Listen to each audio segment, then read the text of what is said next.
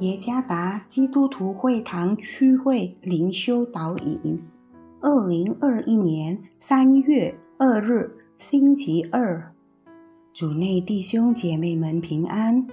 今天的灵修导引，我们要借着圣经路加福音十七章第三到第四节来思想今天的主题：需要被原谅。作者古发起牧师。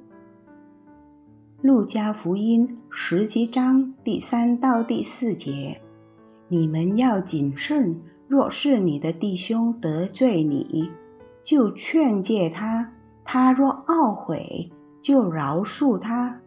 倘若他一天七次得罪你，又七次回转，说我懊悔了，你总要饶恕他。一个错误的行为。比一千个好的行为来的更容易被记得。这谚语是对的。某人做出对不起我们的错误，比他们曾做出的好事更为牢固地记在我们的内心。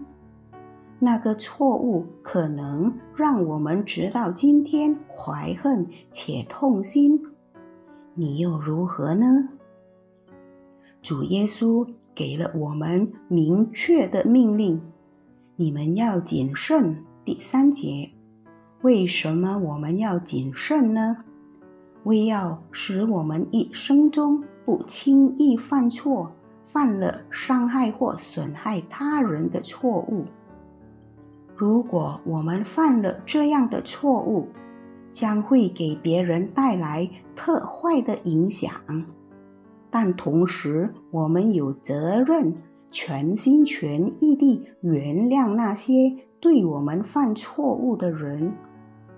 主耶稣说：“倘若有人七次回转，并向我们道歉，那么我们总要饶恕他。”第四节，这是非常重要。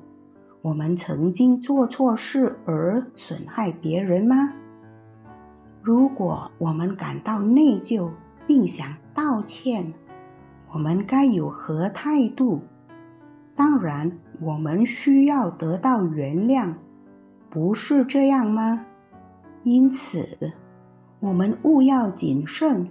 如果我们曾经是犯错误且需要被原谅的人，那么就不该。